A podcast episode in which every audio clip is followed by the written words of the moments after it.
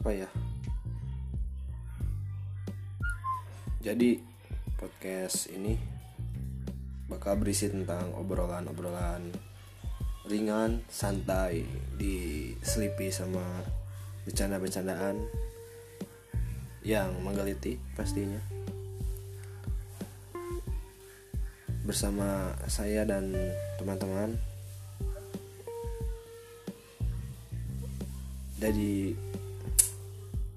tunggu aja ya